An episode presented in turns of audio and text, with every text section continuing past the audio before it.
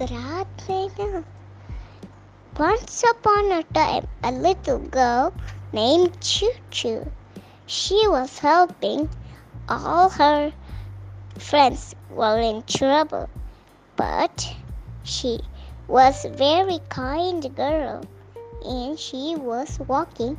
She saw the ducks. She saw the bird was very thirsty, and Choo Choo said, Oh, thirsty bird, drink some cool water. It's nice and cool.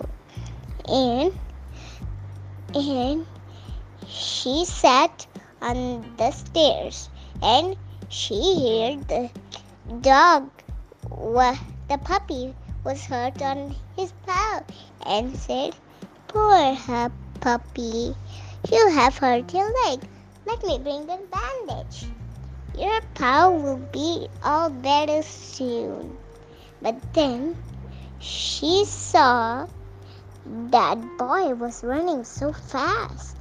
She was he was bicycling the cycle. And he noticed he would fall.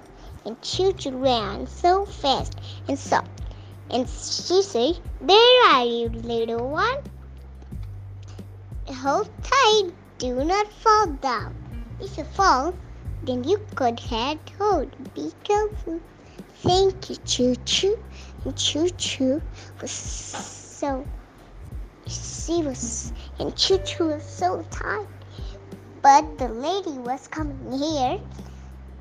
Then the cat went to the lady and that cat pulled that bag and the vegetable fell down and Choo Choo ran and put the vegetable back.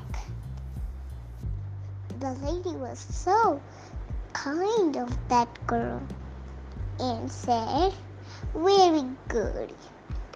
Thank you. You are such a kind girl. Good. And and she was so thirsty, but she but the lady said, You have to wish come true. And comes wish comes true. And Choo Choo was really thirsty. She was wishing that she won some raindrop and the rainbow. And she wished the rain the rain came out.